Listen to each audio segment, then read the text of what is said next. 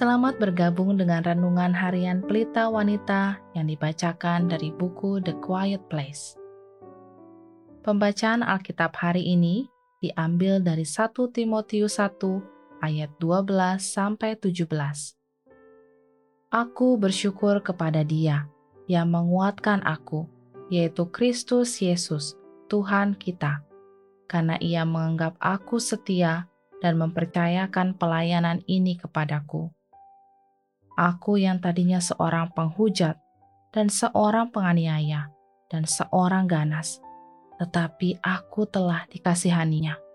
Karena semuanya itu telah kulakukan tanpa pengetahuan, yaitu di luar iman. Malah kasih karunia Tuhan kita itu telah dikaruniakan dengan limpahnya kepadaku dengan iman dan kasih dalam Kristus Yesus. Perkataan ini benar dan patut diterima sepenuhnya. Kristus Yesus datang ke dunia untuk menyelamatkan orang berdosa, dan di antara mereka, akulah yang paling berdosa. Tetapi justru karena itu, aku dikasihani, agar dalam diriku ini, sebagai orang yang paling berdosa, Yesus Kristus menunjukkan seluruh kesabarannya. Dengan demikian, aku menjadi contoh bagi mereka yang kemudian percaya kepadanya dan mendapat hidup yang kekal. Hormat dan kemuliaan sampai selama-lamanya bagi Raja segala zaman, Allah yang kekal, yang tak nampak, yang esa. Amin. Ayat kunci hari ini adalah dari 1 Timotius 1 ayat 12.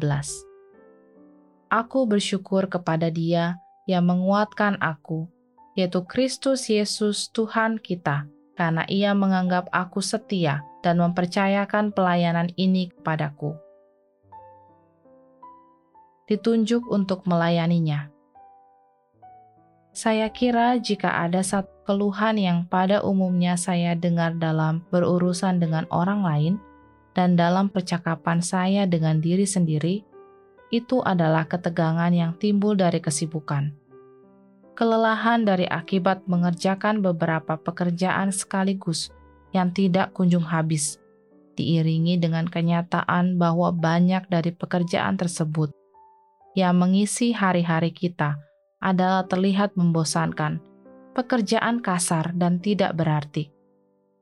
Pada kenyataannya adalah untuk setiap tanggung jawab yang menggembirakan dan yang saya nikmati, akan ada 10 atau lebih tugas lainnya yang membutuhkan disiplin yang lebih lagi untuk dilakukan, di mana tidak ada buah yang jelas dan dapat segera untuk dilihat.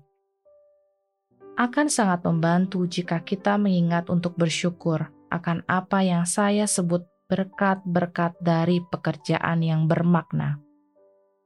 Dan untuk mengenali semua pelayanan yang dilakukan atas petunjuknya dan dengan kekuatan yang ia sediakan adalah sangat penting.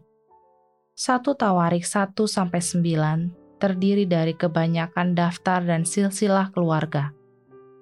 Ini adalah salah satu bab yang kita cenderung baca secara sekilas. Tetapi belakangan ini saya berhenti untuk merenungkan satu paragraf yang menjabarkan tanggung jawab para suku Lewi beberapa ditugaskan untuk menghitung perabotan-perabotan bait Allah setiap kali digunakan. Beberapa orang menyediakan campuran rempah-rempah, pasal 9 ayat 30. Lalu ada Matika, seorang yang mendapat tugas tetap untuk mengolah roti, ayat 31. Itu semua bukanlah deskripsi pekerjaan-pekerjaan yang kebanyakan dari kita idamkan namun, pelayan-pelayan setia ini memuliakan Tuhan dengan mengemban dan memenuhi tugas mereka hari demi hari, mengulangi tugas mereka secara terus-menerus. Walaupun beberapa tugas mungkin terlihat tidak berarti, dan kita mungkin merasa kelelahan, kita perlu diingatkan bahwa adalah suatu hak istimewa jika kita dipercayakan suatu tanggung jawab di dalam kerajaannya oleh Tuhan yang hidup. Di tengah tugas-tugas yang sepertinya tidak ada habisnya, kebanyakan tidaklah gemerlapan dan tidak akan pernah memenangkan penghargaan duniawi.